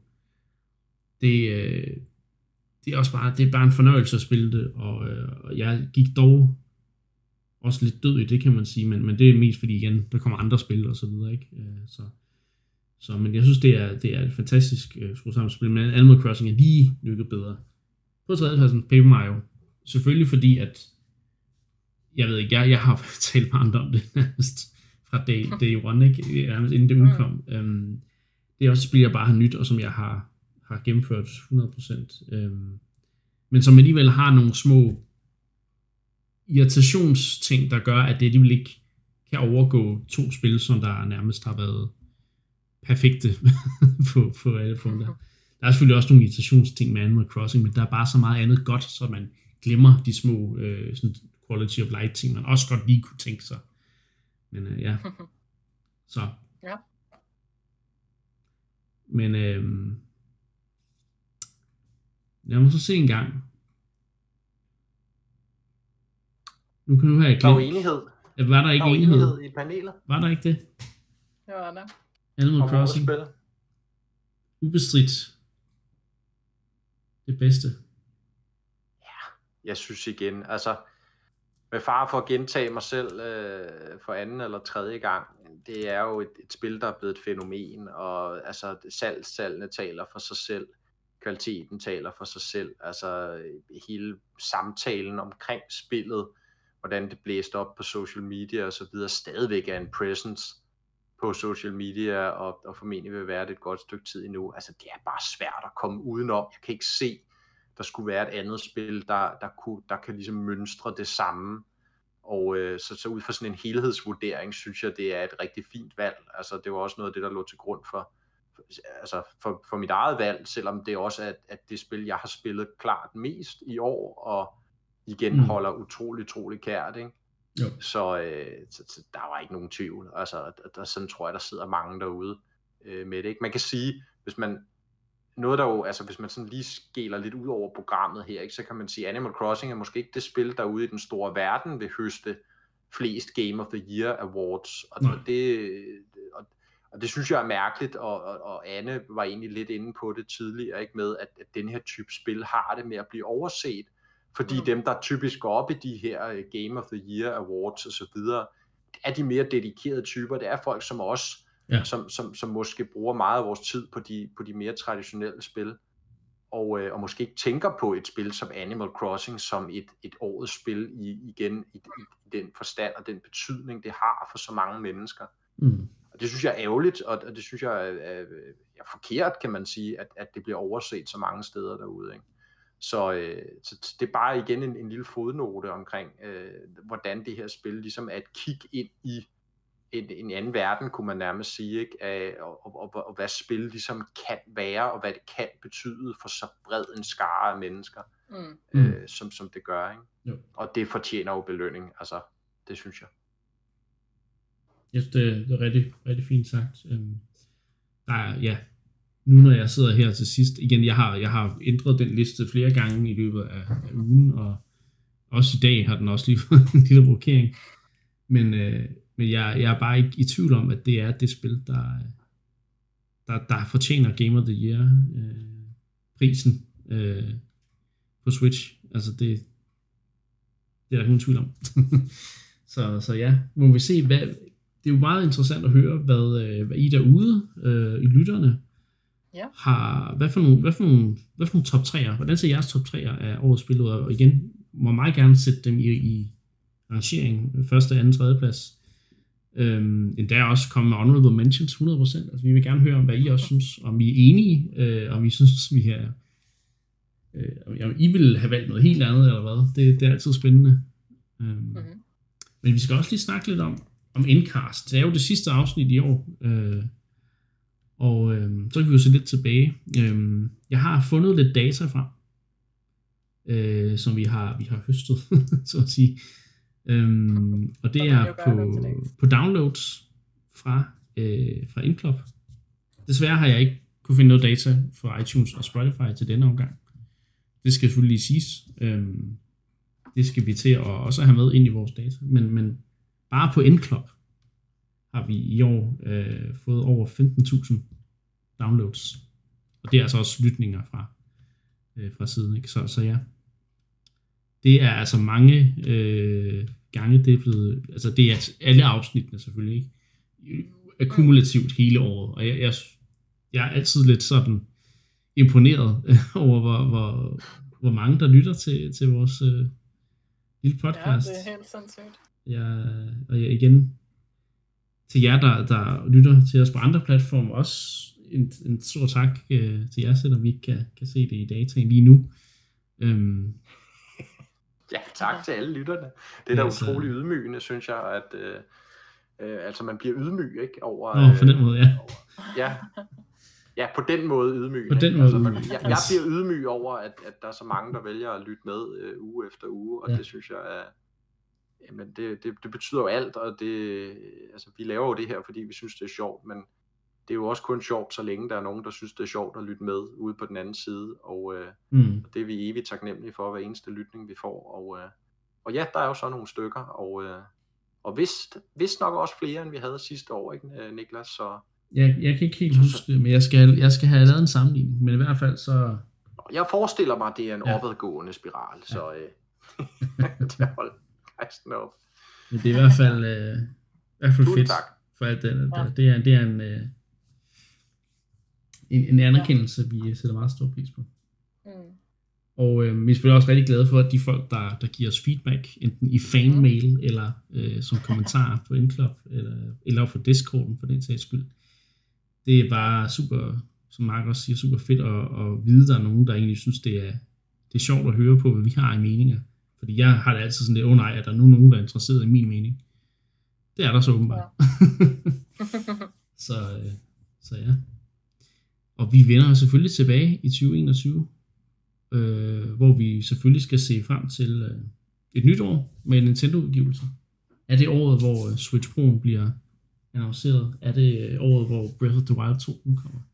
Er det året, hvor vi ser første gameplay fra Metroid Prime 4? Findes Ja. Star Fox Grand Prix? Der er mange, øh, der er mange mysterier, vi skal have opklaret. ja. Og et Zelda-år jo, hvilket jo glæder os Ja. alle sammen, antager jeg, ikke? 35 års jubilæum. Og vi vil se, om de kan, de kan overgå. Nu, nu kan man sige, at man kan, forventningerne er måske lidt lavere, efter vi har set, hvad de har lavet med... Altså det, det, det niveau af... Ja, altså man kan sige, jeg vil være til, helt tilfreds, hvis det var samme niveau som, som Mario's All, 3D All Stars øh, Collection. Ja. Men, men jeg kunne selvfølgelig godt tænke mig, hvis de gjorde lidt mere ud af det. Nu må vi se. Ja. Øhm, eller om de, det kan jo så også være, at de skuffer fuldstændig, og de bare slet ikke laver noget i samme stil. Det kan være, bare udgiver, så, så Ja. kan alle få lov til at få en Zelda-pin inde på mig Nintendo når. shoppen. Det er kun hvis man bor i USA. Ja. Men det bliver også spændende at se, om det er året, hvor Mario han forsvinder Nå ja, fra jordens overflade. og han forsvinder efter den 31. marts, om der så slet ikke er noget, der hedder Mario, og de så også bare, den nye forlystelsespark bare forsvinder. Eller om det kun er de nye ikoner inde i uh, firmware-opdateringen, der, Oh, der er tilbage Ja. som minde. ja. Det bliver spændende. Et spændende år venter os, øh, men et, også et spændende år er, ligger bag os. Så ja. Tak ja. fordi, øh, ja, jeg ved ikke. Har I, har I mere at sige? Nej, Nej. glædelig jul. Ja. Godt Ja. nytår. Okay, ja. Og, og så igen øh, vil jeg sige tak til jer to, fordi at vi har kunne øh, levere øh, så mange episoder med en meget, meget fin øh, øh, kadence, synes jeg. Der har selvfølgelig været lidt variation i starten. Vi skulle lige finde vores øh, rytme og så videre, men jeg synes, Mhm. øh, den, det sidste halvår, der synes jeg, vi har haft en god kadence med udgivelser. Ja. Øh, Ja. Så, så tak, tak til, til jer for det. Øhm, Ja, så må vi jo håbe, at uh, vi en gang igen kan se hinanden i virkeligheden, når vi snakker.